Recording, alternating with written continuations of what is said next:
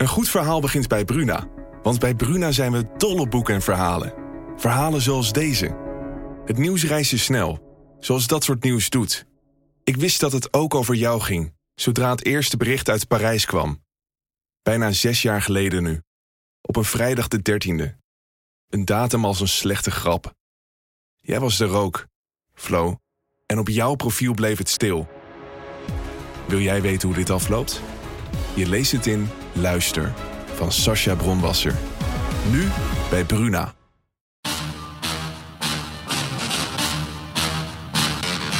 Dit is Strikt Privé, de dagelijkse showbiz-update met Evert Zantegoed en Jordi Versteegden.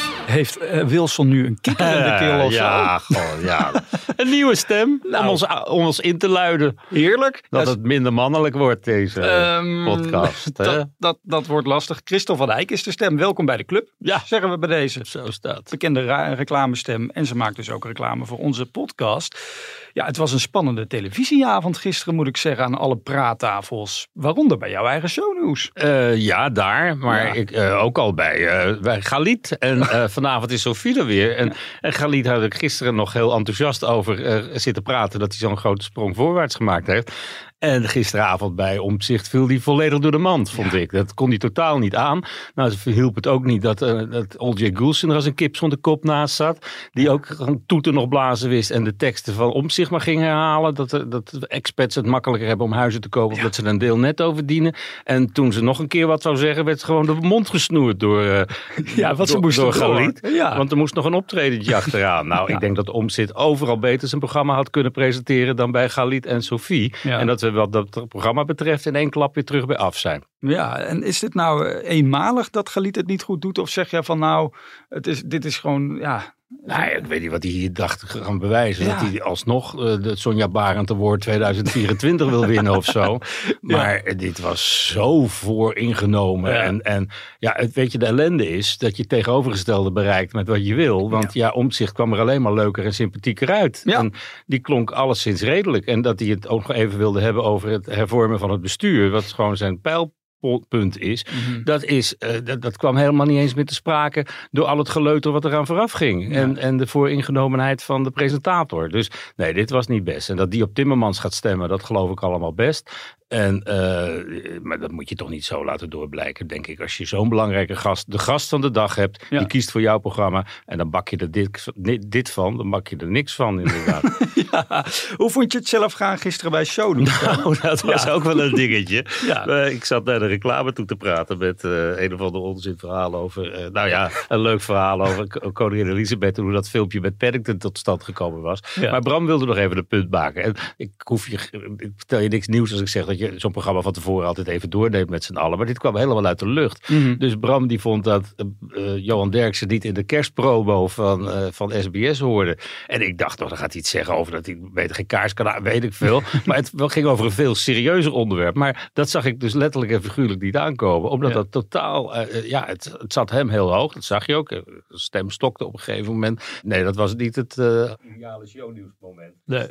Maar hij heeft zijn punt gemaakt. En hij wil dus inderdaad dat een eh, latente antisemiet als Johan Derksen niet te zien is in een kerstfilmpje op, eh, op SBS. Ik zei, nou, dan hebben ze nog wat over, over na te denken. Daarna maakte Bram op emotionele wijze heel helder zijn punt. Hoe hij Mhm. dacht over die opmerking van eh Derksen van twee weken geleden inmiddels. Ja, hij heeft Joods bloed, hè, voor de mensen die denken van... Nou ja, zijn vader is een een Auschwitz-overlevende. Ja. Dus dat heeft een enorme stempel gedrukt op zijn jeugd en zijn leven. Ja. En als er deze dingen gebeuren in de wereld, dan, dan raakt hem dat enorm. En eh, dat werd wel duidelijk. Ja, dat zag je echt aan zijn handen. Hebben jullie elkaar na de, af, eh, nou ja, na de uitzending er nog over gesproken? Ja, de- na de uitzending. En ik heb hem gisteravond toen ik thuis was nog even gebeld. Ja, er is ook niks aan, tussen ons niks aan de hand. Maar Nee. ik had het eigenlijk liever even geweten dat Mm. hij van plan was om dit te gaan zeggen. En Ja. Dat kwam nu helemaal eh, uit het niets. En dat is een beetje in een shownieuwsachtig programma is dat een beetje ongemakkelijk. Dus ik kun je er beter even op voorbereid zijn. Het is live televisie. En dat, Dat eh, is ook het mooie. kan soms ook moeilijk zijn om te maken, eh, zeggen wij maar. Ben jij trouwens al gevraagd als kerstman voor die kerstpromo of niet? Want ik zag je hier binnenkomen met een baard en zo, auditie doen eh, voor die kerstpromo. Nou, maar Even serieus. Even serieus. Nou, we hebben iets serieus, eh, Evert. De cover van de privé die staat in het teken van Danielle van het Schip. Ja, tweede week op rij. Maar het heeft heel Nederland beroerd. Vorige week het overlijden van Danielle van het Schip. Het verdriet van Willeke. En het afscheid was natuurlijk ook. En ik vind het heel bijzonder dat als je drie keer getrouwd bent geweest, dat de band met je ex-mannen kennelijk zo goed is dat ze er alle drie zijn op die zwarte dag. Ja. En eh, je ziet ze inderdaad eh, bij elkaar. Joop Oonk, John de Mol, uh, Søren Lerby. En die ondersteunen Willeke op, in de moeilijkste momenten van haar leven. Tja, John van het Schip is op dit moment met zijn kinderen in Turkije, heb ik vernomen, om het verdriet te verwerken. Maar daarna, Ja. als hij terugkomt, dan gaat hij direct aan de bak. Het is ongelooflijk als Ja. trainer van Ajax. Nou niet baan die iedereen ambieert op dit moment. Nee. Die hem heel veel afleiding zal bezorgen. Maar Ja. of je nou niet heel veel verdriet aan het wegstoppen bent tegelijkertijd. Dat zal moeten blijken. Maar ik, eh, ik, het is een mooie taak die hem wacht. En ja, ik vind het wel knap dat je dat eh, op je schouders durft te nemen. Ja, absoluut, absoluut. Zullen we dan nog heel even teruggaan naar de televisieavond van gisteren, om toch weer even een brugje terug te Ja, maken? iets wat ik dus niet gezien heb, omdat Nee. ik op een andere zender eh, be- bezig was. Humberto. Ja. Ja, die had eh, Leonardo uitgenodigd. Niet Leonardo DiCaprio, Nee. maar wel iemand die acteur wil worden. Eh, namelijk eh, het slachtoffer van Bilal Wahib. We weten dat misschien, ja, misschien zijn mensen al... Twee jaar geleden, Ja, tweeënhalf jaar geleden moest die jongen van Bilal zijn piemel laten zien. Om het zo maar even plat te zeggen. Die jongen die heeft daar blijkbaar ontzettend veel verdriet van gehad. Is ontzettend veel gepest en deed dan gisteren zijn verhaal Alsnog. alsnog, ja, ik vond het ongemakkelijke televisie. Mag ik dat zeggen? Ja, ik, ik, ik vraag me af of het hem geholpen heeft door daar uiteindelijk te gaan zitten. Of hij daar, eh, ja, ja, of, Ehm, ja, of dat hij acteur wil worden. ja, het- het- kijk, het feit dat hij dat zegt, dat maakt het verhaal daarvoor een beetje zwakker. Maar laat wat horen dan. Nou, laten we even een fragmentje luisteren. kom naar beneden, huilend, naar mijn moeder en naar mijn vader. En ik zeg, eh, mama, papa, ik moet jullie wat vertellen. Mijn pa zegt, wat is er aan de hand? En mama ook. En ik zeg ze van, eh, iemand vroeg me om iets te laten zien, maar ik lag stil. Toen mama was in shock, is het een pedofiel? Ik zeg, nee ma, Mama was echt geschokt, ze kon niet meer praten. Letterlijk echt niet meer praten. Ik zag haar alleen maar huilen.